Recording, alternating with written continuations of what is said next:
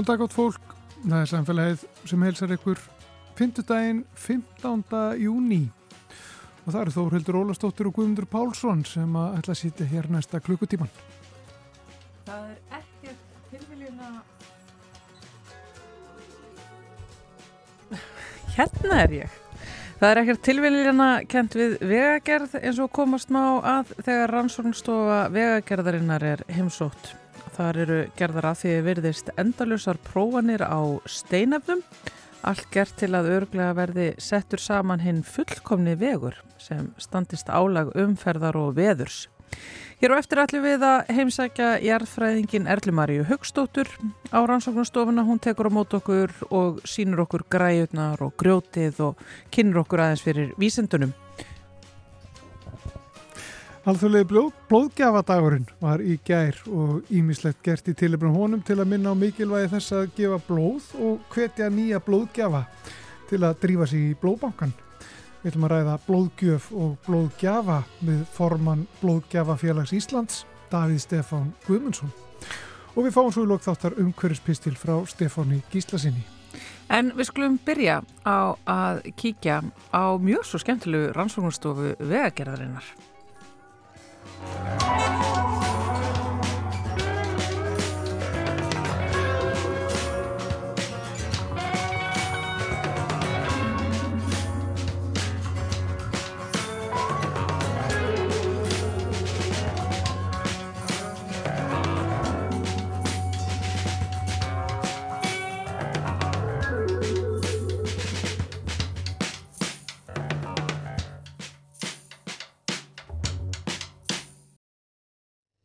Ég er stödd hjá vegagerðinni í Garðabæ og ég er ekkert inn á nefni skrifstofu heldur er ég í rými sem að, já, er svolítið sérstakt af því að þetta er rannsóknarstofa vegagerðarinnar og hingað inn get ég sagt ykkur kæri hlustendur er að fara aðteklisvert að koma.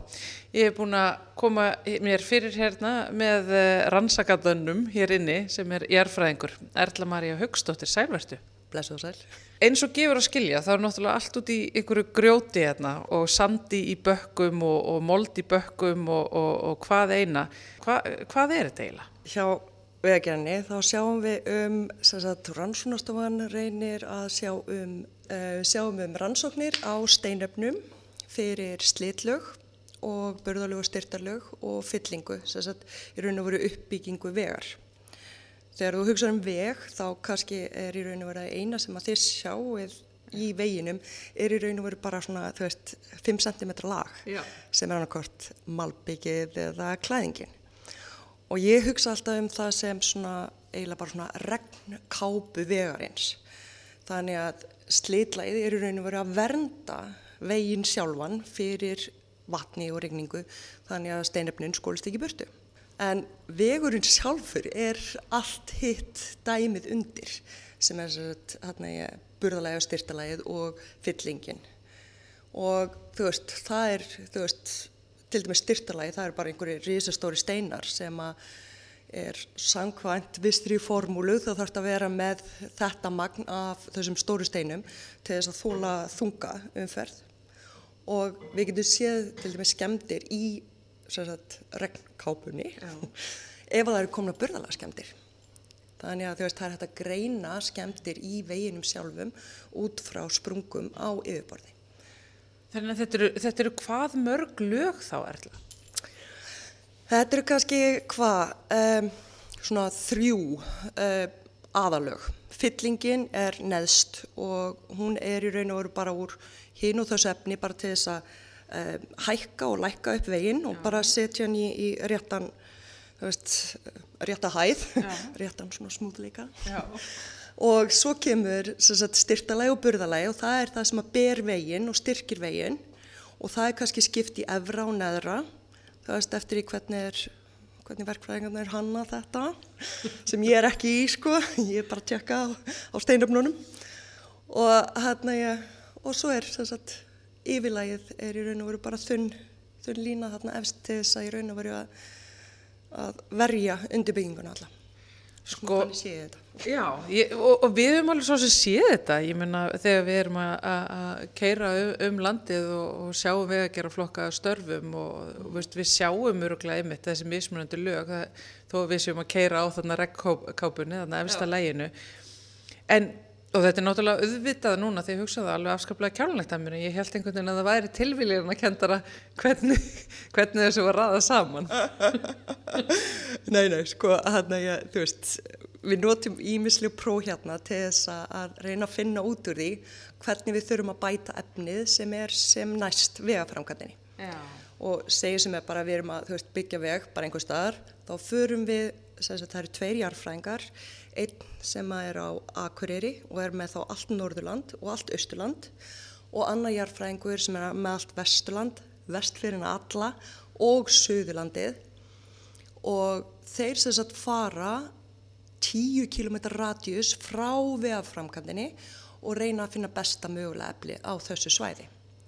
Og þetta sendaði svo til mín á rannsónastofuna og ég reyni að koma með hérna ég einhverja goða niðurstöður fyrir þau. Og ef að þú veist þetta gengur ekki upp því að hérna ég, þetta er sagt, síðan sagt, eftir hvað prófið segir þá getur í raun og verið flokka hvað hérna ég, hvort það sé heppilegt fyrir veginn sem að þeir eru að búa til. Að því að segja sem er að það séu við, við reynum að flokka vegan, vegina í hérna ég svo kallar áti utölu, árdasumferð og þá teljum við þá bíla sem að fara á veginum og út frá þeirri tölu áallu við svo hvað, hversu stert efni við þurfum. Þannig að við förum ekki og tökum sterkasta efnið fyrir veg sem að 100 bílar keira á. Við nótum það frekar á Reykjanesbröðuna eða eitthvað. Þannig að, þannig að veist, það er svona einmislegt og svo erum við náttúrulega líka að byrja að flytja inn efni núna. Vá, þetta er ekkert smá mikið ferdi. Ég er alveg bara í sjokki yfir því hvað þetta er flókið hvað þið eru að gera til dæmis eins og hérna veist, hérna, hérna er einhverju steinar Já. og þetta er kleifarheiði. Og, og þetta, bara, þetta var tekið kleifarheiði af jarfræðingnum og sendir þín. Já, eh, þetta er 8-11 efni, þá er þetta unnið upp á kleifarheiði, þá er búið að sagt, milja það, brjóta niður og milja og flokka og harpa. Og svo eru búinir til svo kallar vinslu haugar og síðan kemur jarfræðingurinn og tjekkar í haugnum hvort þessi ekki örgla að búa til það sem þeir sögðust verið að búa til. Senda til mín og þetta er að fara í svo kallar viðlóna pró sem að Brynjar hérna hinn með henn er að fara að gera núna eftir. Og hérna ég, þá erum við að pröfa þetta, að pröfa að gera klæðingu inn á rannsónastofu til þess að sjá hvort að efnið sé að standast alla væktingar hérna, fyrir útlögn. Sko þannig að þegar þú ert að fá þessi jarðvegsíni til þín að þá ert þú að bara gera alls konar prófurinnar á því bara til dæmis eins og munið er þetta nú stert, eh, munið þetta mm -hmm. grotna niður eða brotna eða kvartnast eða... Hvað eru mikið að fínefnum í þessu, það er svona hérna ég, þú veist það sem við erum helst svona með áhyggjur af.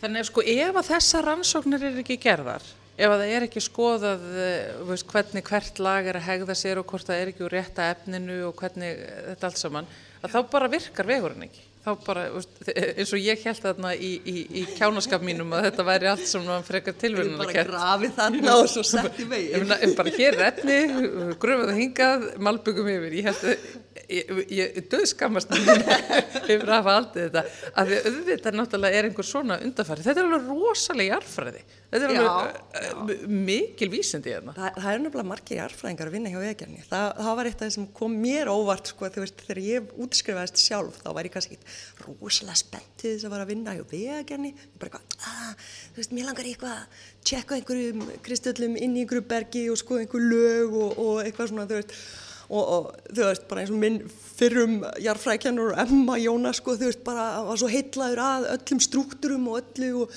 og þú veist, en það borgar sér rosalega að vera jarfræðingur í þessu starfi því að þú veist, maður þarf rosalega mikið að sjá heilda myndina mm. þú veist, þegar þú ert, þú veist, kannski með einhverja á og þú ert að spá í hvort er betra að taka hana hérna megin eða hérna megin, þú veist, hérna í efnistökuna mm. og þú veist að því að við tökum oftast kannski nálagt ám eða hjá ám vegna þess að áinn er í raun og veru búin að vinna efni fyrir okkur. Þannig að hún er búin að brjóta nýður og, og þú veist allt það sem er vekt það er bara orðið að fín púsi einhverstaðar út í sjó. Landiröfn, nei, tjók. Já, einmitt. einmitt. En, en, en, það er til dæmis eins og gott dæmi um það. Bara það þið viljið losna, losa við það úr vegagerðin ykkar.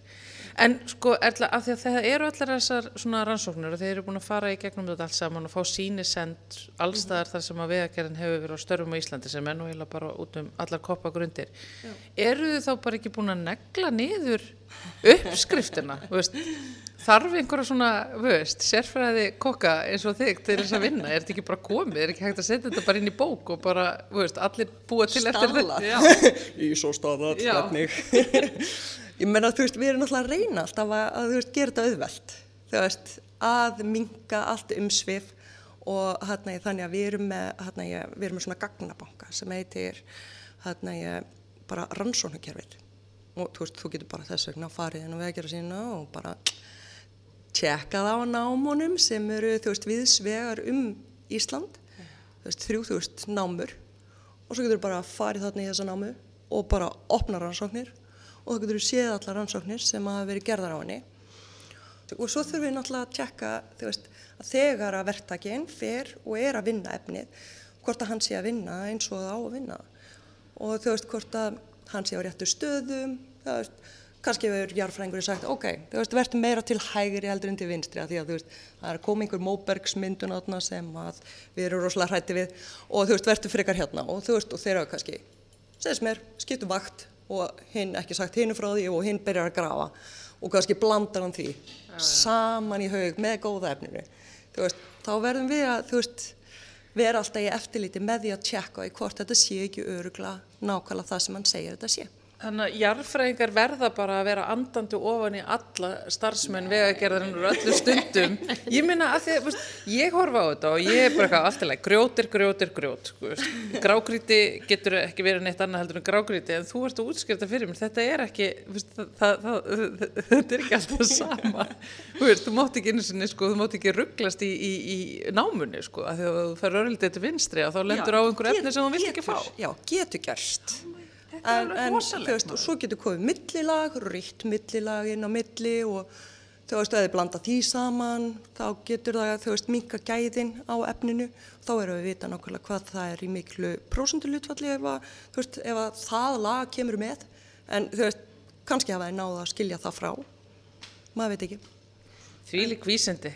Þetta er algjörlega klikkað. Getur við kíkt inn á hann? Það er rosa læti inn í honum. Hvað er hann að gera hérna inni, segir Hann er að gera svo kallega viðlóðanapróf og fyrir nokkrum mörgum ára síðan þá ákveðum við að breyta úr kvítspýra yfir í meira umhverfisværi efni. Þannig við fórum í lísi, sagt, hérna, ja, afgangsafurð frá lísi til þess að þinna byggið. Þannig við getum lagt þetta út og hann er sagt, að testa efni sem er búið að leggja út á veg. Kom ekki vel út. Og þau vildu fá að vita af hverju. Þannig að þeir senda síni á okkur. Og nú ætlum við að pröfu þetta inn á rannsóknarstofu. Ég horfi á vegagerð allt öðrum mögum. Herru, já, þetta er nú bara... Já, þetta er, nú ekki alveg góð... Nei, ég veit ekki, finnst þér þetta góðleg? finnst þér finnur bygg- lýsis virta þess að fiskilikt eða Já, það er lýsislegt. Það er það sem, ég held að þetta væri bara þessi malbyggunarlegt, en auðvitað, hún það er líka, já það er líka byggið sko, en það er smá svona þú veist en þetta já. En ekki eins slæmt eins og þegar við hérna, já, hættum að fá bygg frá Venezuela og fengum bygg frá Nóri þá hérna ég þú veist, þá kom allt í hennu það kom bara svona meiri svona sjávalíkt, ég veit ekki af hverju. Og þú veist, þannig að bygg er ekki bara bygg, heldur það er örglega einhver sko hérna í doktors eða mastersvístindi þar á bakvið sko sem að ég veit ekki hvort ég hafi tíma til að fara út í en við ætlum allavega að reyna að byrja að taka svona grunninn að því hérna eins og til dæmis með þessi nýju tæki sem við vorum að kaupa. Ó, þeir voru að fá ný tæki, ég veit að þú varst rosa spennt yfir því. Þú gast ekki hitt mig hérna fyrir nokkrum dögum að þú varst að taka á móti tækjum. Já, við hérna, við fengum akkurat 12 kassa frá hérna í Controls á hérna í Ítalju og ég er búin að vera að taka upp um á tveimur dögum 12 kassum sko. Og þú veist þetta er sagt, stungu dýftarmælir eða sem sagt, til þess að finna út hérna hversu hart bíkið er Hvað er stungu? Stungudift, það er í raun og veru þú setur nál, þú hýtar bygg upp í 25 gráður og svo setur þú hérna í nál ofan í og hversu hérna ég langt nálinn fyrir niður í vökvan á 5 sekundum segir mig til um hversu hart byggið er. Vegna þess að við búum í Íslandi, veghittin hérna er kannski 40 gráður, þá hérna ég, þú veist, og við erum kannski með frost og þýðu og sveplur, veist, þannig að vegurinn er, veist, alltaf í einhverju svona. Að þennast út. Já, og, og þú veist, ég hugsa alltaf um þetta sem eitthvað svona lifandi entity, sko, þú veist, en hérna ég, þú veist, þannig að við verðum að, að þú veist, fá, sko, þú veist, við megum ekki hafa regnkápuna of harða, því að ef hún er of hörð, þá bara brotna. Sko, öll þessir, allar þessar græjur sem þið eru að fá í hérna og mm. með hvernig þú ert að lýsa þessu, þá er náttúrulega lokar þessi rannsóknstofa aldrei að þegar það er alltaf einhvern veginn hægt að besta vegi, Eh, það er alltaf hægt að fylgjast betur með verktökunum og efnistökunni og það þarf alltaf að skoða hvernig einasta grótnullung nánast sem að uh, fer undir þessa vegi okkar. Ég var að byrja að hlaka til að fara í sumafrí en núna er ég bara svona að tíðin komið með einhver kviðan og ég maður bara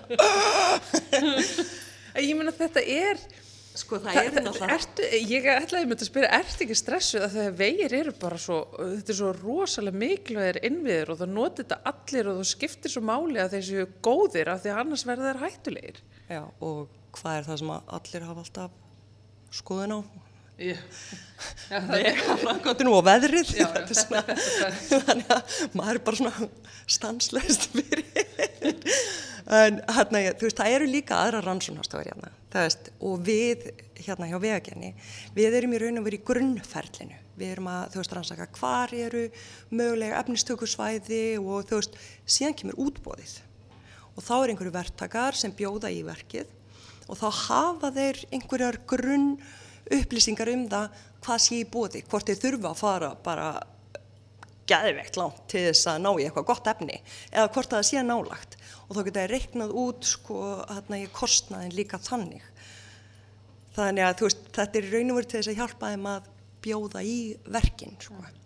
Síðan hérna ég, þú veist, á meðan að framkvæmdini stendur eða þú veist, ef einhver er að byrja að byggja upp veg eða eitthvað slíkt, þá er oftast haft samband við einhverja faggildar rannsóknastofur eins og mannvitt, veist, og svo er tæknisetur sem var áður nýksköpunum mistu Íslands, þú veist, hún er líka með hérna í góða rannsóknastofu og svo er ebla, þú veist, þannig að við erum með þrjár rannsóknastofur sem eru að skoða grjót. að skoða grjót.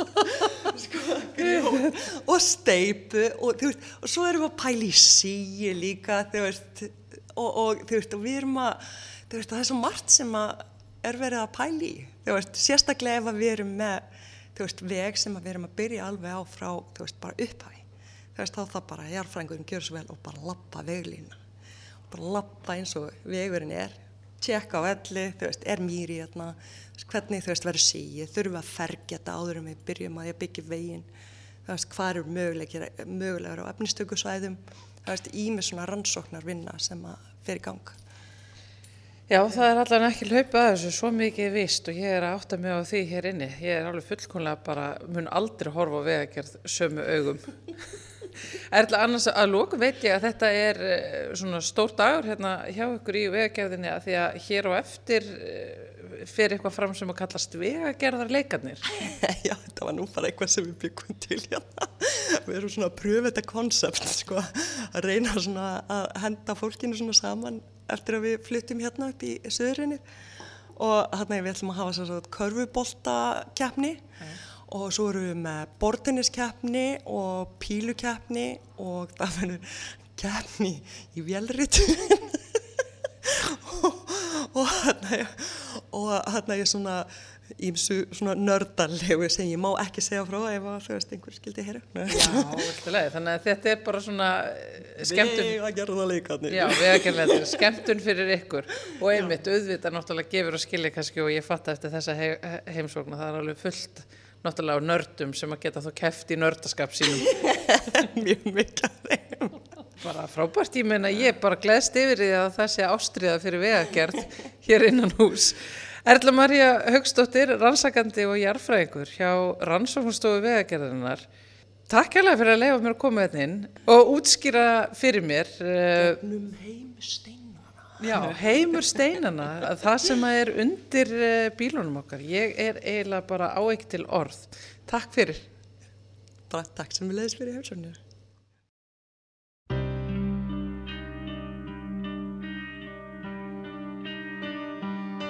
speed along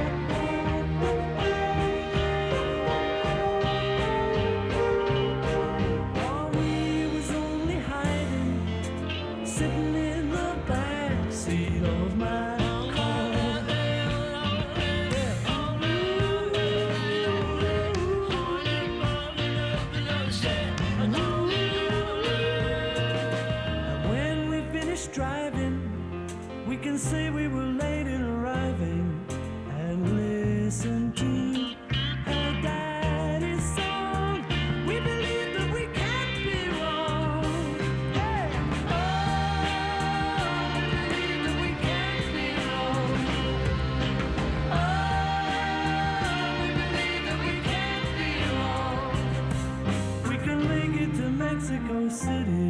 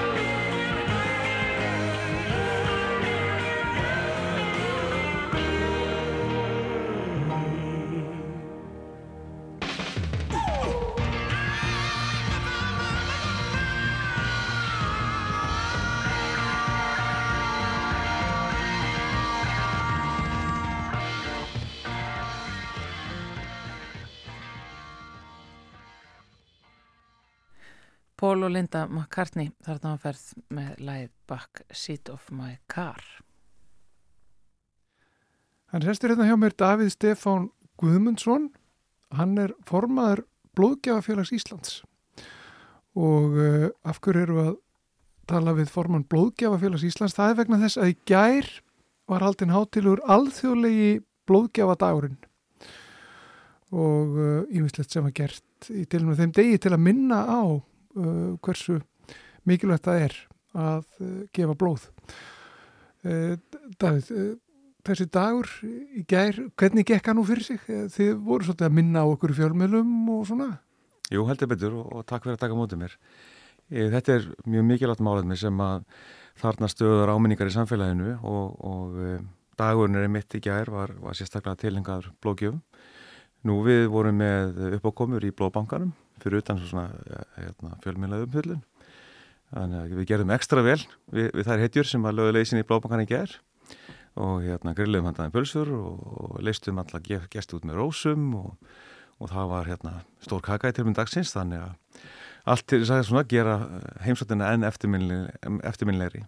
Já, þetta er nú frægar veitingar hérna hjá Blóðbankanum Heldur betur. Þú við fögnum endur komið þeirra eftir COVID, þetta var svona kannski aðeins þrengt að veitinga að þættir um svona þá en, en, en þetta er, við erum búin að ná vopnum okkar aftur og, og þetta er bara virkilega skemmtileg upplifun og, og, og fyllir af, af líkam á sál að koma þangað og, og gefa blóð. Já, hvað hefur þú sjálfur uh, lengi gefið blóð og oft? Heyrðu, ég byrjaði nú sjálfur að mín saga uh, byrjar í, í framhaldsskóla þar sem að mér fannst þetta uh, málefni bara heila mig að geta uh, svona ungur líkanlega hraustur hérna kallmaður farið og láti gott að mig leiða og það má alveg segja það, já, það er orðin fleiri ár heldur en þú voru að telja en þau nálgast öruglega 25, 6, 7 ár sem að ég er búin að gefa og þetta er komið eitthvað rétt rúmlega 200 skipti sem ég er búin að fara ánga og gefa. Já, hefur það verið mælt í lítrum hvað er búin að gefa mikið blóð? Nei, það er nú yfirleitt, við, það er nú flestir þannig úr gardi gerðir að við erum nú lítið að tala um þetta svona daglega og, og, og hvað þá að reyna að setja eitthvað magna á, á þetta en, en þetta eru einhverjir tölur lítrar af blóði og, og uh, þetta er unni tvíþætt sko, það sem við sapnaði er annars vegar blóð uh, pottur af blóði en, en síðan auðvitað eftir sem að tæknin hefur uh, fleitt fram og þá er þetta að fara að sapna blóð hlutum og sjálfur hefur verið að gefa sagt, blóðflugur sem að, sem að má segja sé svona ákveðið þykni raunni hérna meira hérna af blóðflögum í hverju gjöf heldur en þessi fæst úr, úr hefðbundi blóðgjöf sem að nýtist á sérstaklega vel til dæmis til, til uppbyggingar eftir erfiða krabbmessmeðferðir. Já, og er, er þá, fer blóðgjöfun eitthvað öðru sér fram þá eða? Já, er raunni hefðbundaferðli tekur ekki nema 30 myndur sem að er raunni en sterkari áhersla og, og hérna, ástæði fyrir því að hverju fólk ætti að prófa að gefa blóð. Þetta er ekki langtferðli og algjörlega sársökulöst. En, en uh, að gefa blóðflögur tekur aðeins lengur tíma uh, en, en alls ekki, hérna, að, þú finnur ekkert fyrir því. En, en þar er ferðlið um 70 myndur, 70-90 myndur en hérna en, en algjörlega stjana við þig með hann ég segi stundum, þetta sé eins og sitja á sagaklass þú sittur undir teppi og það er, það er lúið að þér og þú far kaffi og veitingar bara beint í sætið.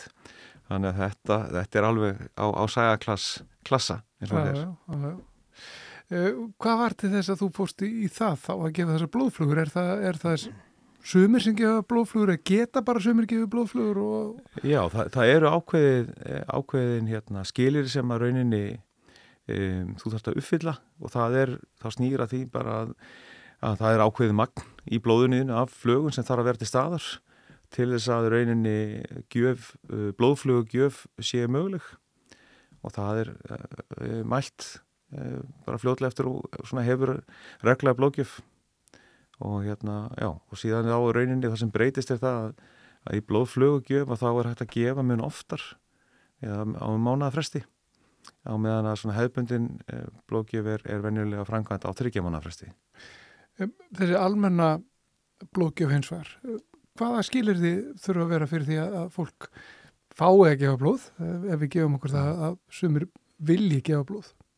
Já, það er unni bara svona almennt um, hresti um, og svo eru ymsar, ymsar svona bara, hvað sé að varuðareglur sem eru gildi og það er náttúrulega að lesa nánar um það er inn á blóðbankin.is en meðal annars að, að það eru ferðalög sem að geta sett strykir reyningin e, þar sem að e, ef að hafa verið ferðalög á svæði þar sem er dæmis malaria eða nýlega vírus eða eitthvað í gangi, hérna húðflúr um, e, þú ert nýbúin að fara í speiklun það er svona ímislega sem þarf að hafa í huga en þetta er allt e, gott að kynna sér áður en að er e, e, farin yfir í blómakan og, og mjög aðgengilega upplýsingar og, og svona gátlisti sem við getum farið gegnum inn á VF blóbankans, blóbanki.is og þetta er auðvitað allt, hefur það allt þann eina tilgang, það er að tryggja rauninni öryggi blóðþegans að, að svo afurð sem að þú lætur af, af hendi ragna og hún sé að standast þær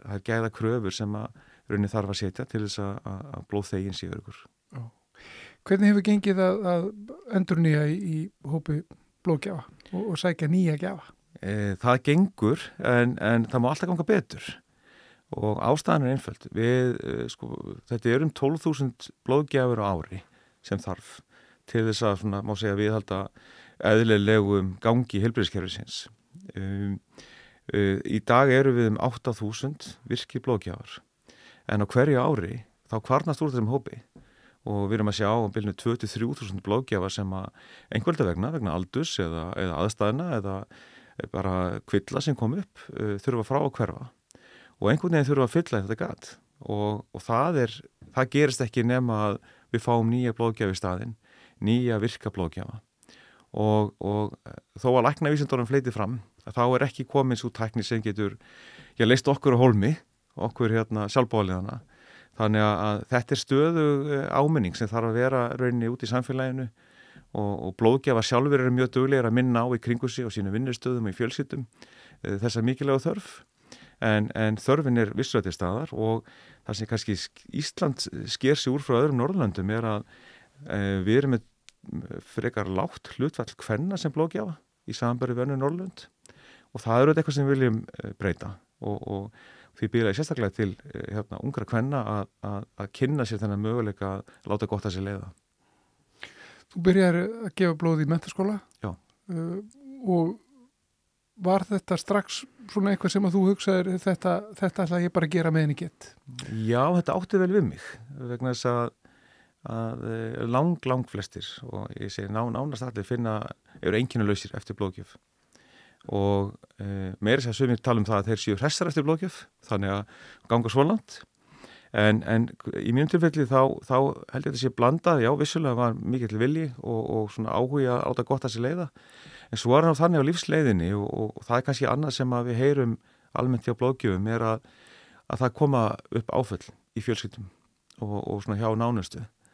Og oftar en ekki er það líka þá aukinn kvati til þess að að, að já, gefa reglulega, mæta reglulega og vera kannski meira opinskáður og útærum það að, að þennan mikilvæga þátt í samfélaginu. Því að það er nú þannig að þetta er unni, má segja, burðabiti bara íslensku heilbyrðiskerfi það að hafa greiðan aðgang að blóði og blóðhlutum. Og, og ef að þessi uppspretta þotnar upp eða, eða verður fyrir einhvers konar frambóðskorti þá, þá er margt sem að geti e, svona farið að veri, veri líðana hjá okkur í helbilskerfinu. Mm. Maður heyrir einmitt stundum uh, og sér að það er verið að kalla sérstaklega eftir ákveðnum blóðflokkum? Já, já, það passar og, og því miður má segja svona áður en að, að landsbytjarlæn eh, hérna, ítt af stað átæki síðastliði eh, sumar að þá var þetta nánast vikulegur viðbyrður að það var, þetta var hérna eiginlega allt og oft, oftar en við getum talið eh, þessi neðakvöld sem voru hérna, sett út í samfélagið. Þar sem er vandaðir nánast alla blóðflokka og, og það er auðvitað eitthvað, það er ástand sem er erfitt að, að hérna að einhvern veginn að viðhalda. Og, og vir, virkilega flott framtækja á lands, landsbytalanum að, að koma þessu hérna, átækja stað. Um, en, en, en það er nákvæmlega það, þetta er átæk en, en við þurfum uh, fleiri virka aðlægt núti að, að koma þessum bóðskap á framfæri og, og, og því til viðbótar að vera stöðat að minna á okkur Þessi dagur ekki er, þetta var alþjóðluðu dagur Hárið og ykkar samtök eh, eru blókjafélagi, þetta, þetta er hluti af, er það ekki alþjóðluðu netti eða það eru, eru sambarlega samtök við það með? Jú, það passar. Við erum sérst hluti af alþjóðlegum samtökum sem að hafa öll hennan, hennan sammeila metnáða markmið, það er að, að rauninni tryggja helbriðskerfum um allan heim uh, tryggt frambóð á blóði og blóðhlutum. Og, og það er margt í þessu umhverju sem að, við reynum að læra hvort öðru og, og þetta snýr, snýr alltaf því sama markmið það er að tryggja þetta stöða frambóð þannig að það er mjög mikilvægt fyrir okkur. Þú myndist áðan á það að konur, íslenska konur gefu ekki eins mikið blóð eins og á, á Norrlöndunum eða það væri svona fleiri konur á hinu Norrlöndunum sem gefa blóð.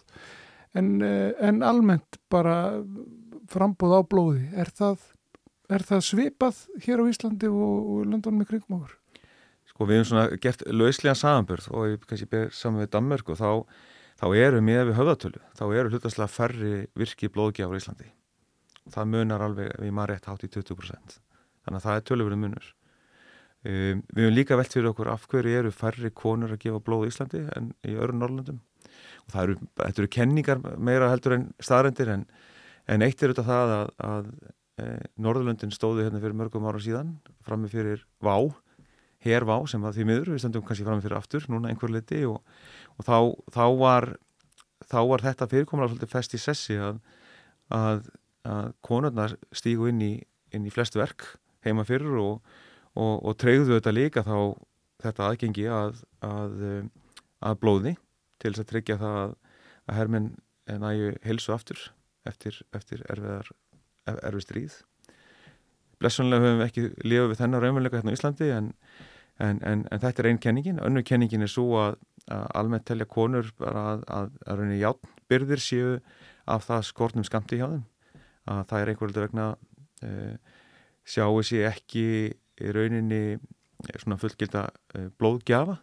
En það er alls ekki raunin og margar konur bara og flesta konur með, með, með góðan hjáttforða og, og, og hitt þá líka ef að, ef að hérna, það að fara í heimsókn í blóðbankan og rauninni fá, fara í sínutöku það gefur líka ákveðis uh, vísbendingum það, hvað á stendur, hvað var það hjáttforða og og, gæti raunverulega verið til þess að, að þú uppgötar jafnvel tækifæri til þess að, að njóta lífsins enn betur með, með, hérna, með, með því að, að taka játn.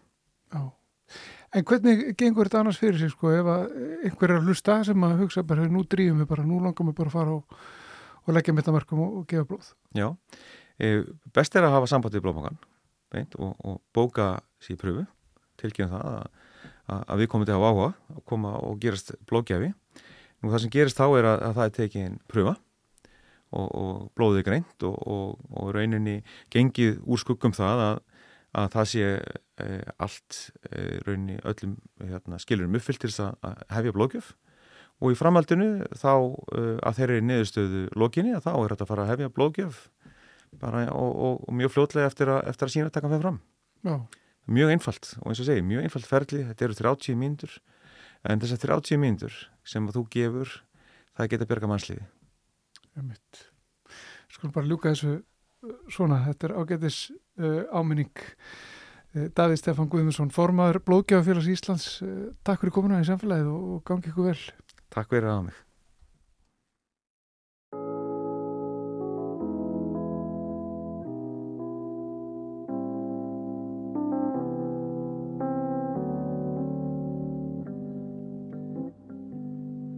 Met my the street last night. She seemed so glad to see me. I just smiled. And we talked about some old times and we drank ourselves some beers. Still crazy after all these years. Oh, still crazy.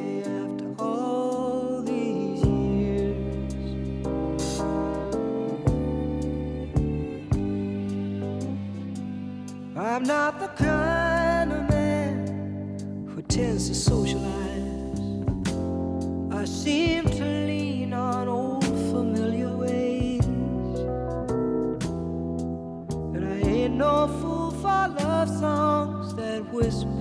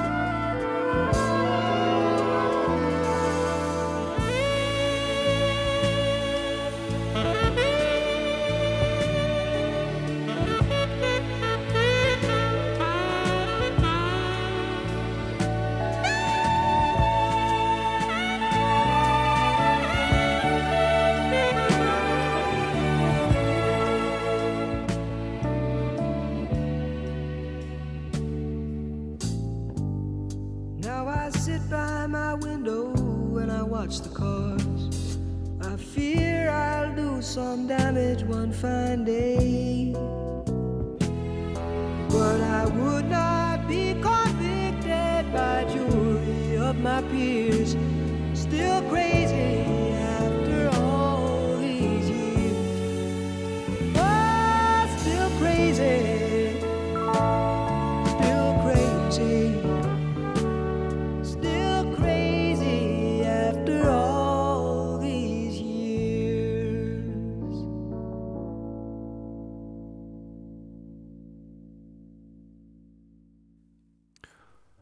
Þetta er Paul Simon og lag sem heitir Still Crazy After All These Years og svolítið fallegt lag þarna og honum. Það er eh, 15.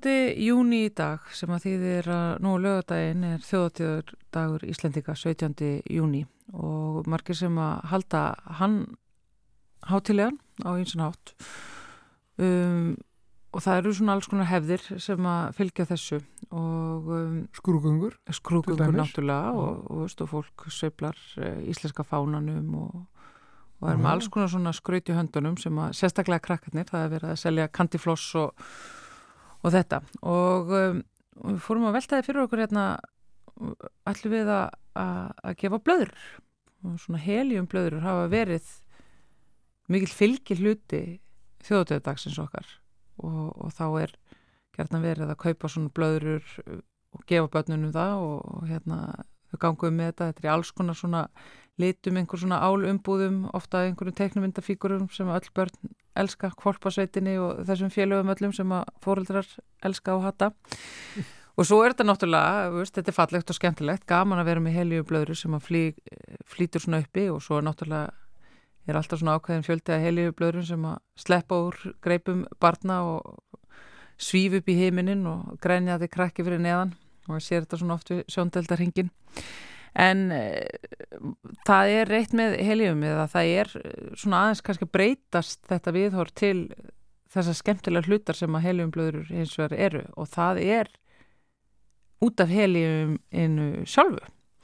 Það er nefnilega þetta er nefnilega takmörkur auðlind og þetta er auðlind mikilvæg í, í læknisfræði til dæmis í, í hérna MRI skanna skils mér og uh, notað í, í svona mjög flóknum efnafræðilegum uh, hlutum sem að gerast inn á rannsóknumstofum sjúkrahúsa meðal annars en líka bara inn á rannsóknumstofum sem að hafa með ímislegt annað að gera, uh, flugför og hvaðina. Þannig að heljum kemur víða við og því er kannski eh, óþarfi að- spandera heliumi inn í, inn í kvolpasettarblöðru sem að hérna síðan bara einhvern veginn fíkur síðan upp í loftið og, og, og mengar umhverju sitt. Það er sko, hann, Sævar Helgi Bragarsson hefur nú bent á þetta nokkur sinnum. Já, að, að um, hann var nú í viðtali í morgunútvarpinu fyrir nokkrum ára síðan. Þá var hann nú að tala, hann var nú reglulegu gestur þar alltaf, á Rástvö þá var hann að tala um sko að helium væri eh, dýrmætt og, og takmörkuðulind Mm. og hann skrifaði nú færslu í framhaldinu af því spjalli eh, á Facebook og segir sko í daglegu lífi er fljótandi helium notaði vísindaransóknir og sem kælivökvi fyrir segulóptæki, Já. þú veist að tala um það sem gerur klift að skiknast inn í líkama fólks á þess að skera það upp, segir hann Þar er helium fljótandi við mínus 269 gráður og kælir niður seglana eða ofurleðarna sem búið til myndina. Skortur á heliumi hækkar verðið á því sem gerir notkun segulómtækjana dýrari fyrir heilbríðskeru heimsins. Og svo fer hann uh, í, í, í um, nokkuð löngu máli yfir það hvernig, hvernig helium verður til og hversu merkilegt þetta þessi gastegund uh, er. Já. Og hann segir heliumblöður eru fyrirtagsdæmi um óþarfa sem auðvelt er að sleppa alveg. já, Það er virðast kannski skemmtilegar en skemmtunin var örstuð að stund en aflegar þeirra geta verið miður skemmtilegar segir uh, Sævar Helgi já, sem að hefur nú stundum svona aðeins ítt við fólki og uh, hefur talað um, um náttúrulega eins og við þekkjum flugelda á, um áramótin já, já. Ég meina þetta er, þetta er alveg rétt, ég meina ef að helium er svona mikilvægt og við viljum ekki að helium klárast á jörðinni og það er vandarsamt að vinna þetta og þetta er Eða dýrt verður- efni já, eða og, ver, og verður sífælt vanda erfiðara eftir því sem að, að hérna, það mingar, þá bara held ég að þetta sé eiginlega ekki spurning. Við náttúrulega fögnum þjóðatíðadeginum okkar en kannski bara ekki með heliumblöður. Þar þú tekur undir með sefra. Ég held að ég verða að gera það. Þetta, þetta er bara, þetta stríkur mér ekki rétt, eins og sagt er. Við fáum umhverfispistil frá Stefánu Gíslasin eftir smástund en fyrst ruslarapp.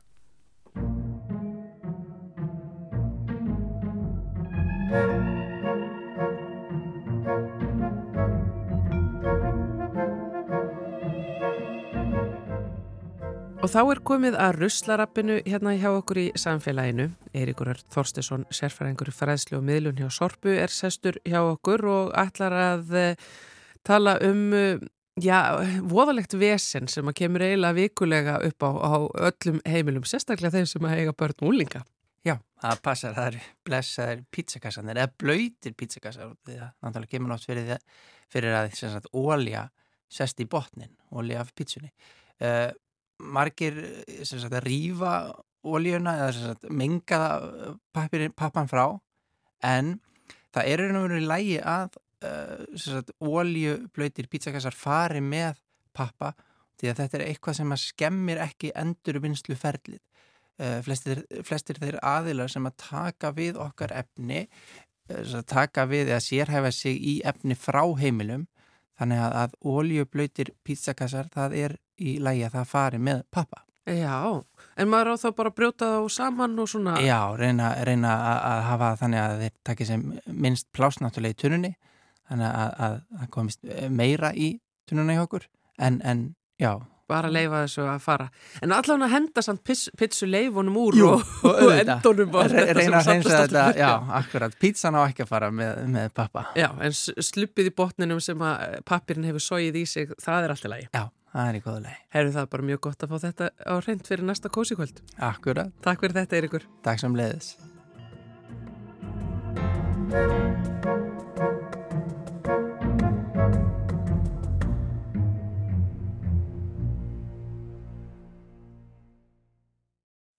Nú styttist í að umhverfis pisla höfundar samfélagsins fari í sumafrí og sjálfsagt gildir eitthvað svipað um hlustendur. Þess vegna er ekki úr vegi að velta fyrir sér hvað höfundar og hlustendur gera í svoleiðis fríum, já eða gera ekki því að það sem það gerir ekki skiptir síst minna mála en það sem það gerir. Áður en lengra er haldið er ágætt að rifja upp að vandamálinn sem við höfum búið til í saminningu með kæruleysislegri umgengni okkar um auðlindir jarðar fara ekki í sumafrí þó að við gerum það. Það getur jafnvel hugsast að við höfum meiri neikvæð áhrif umhverfi í sumafríinu en á öðrum tímum ársins.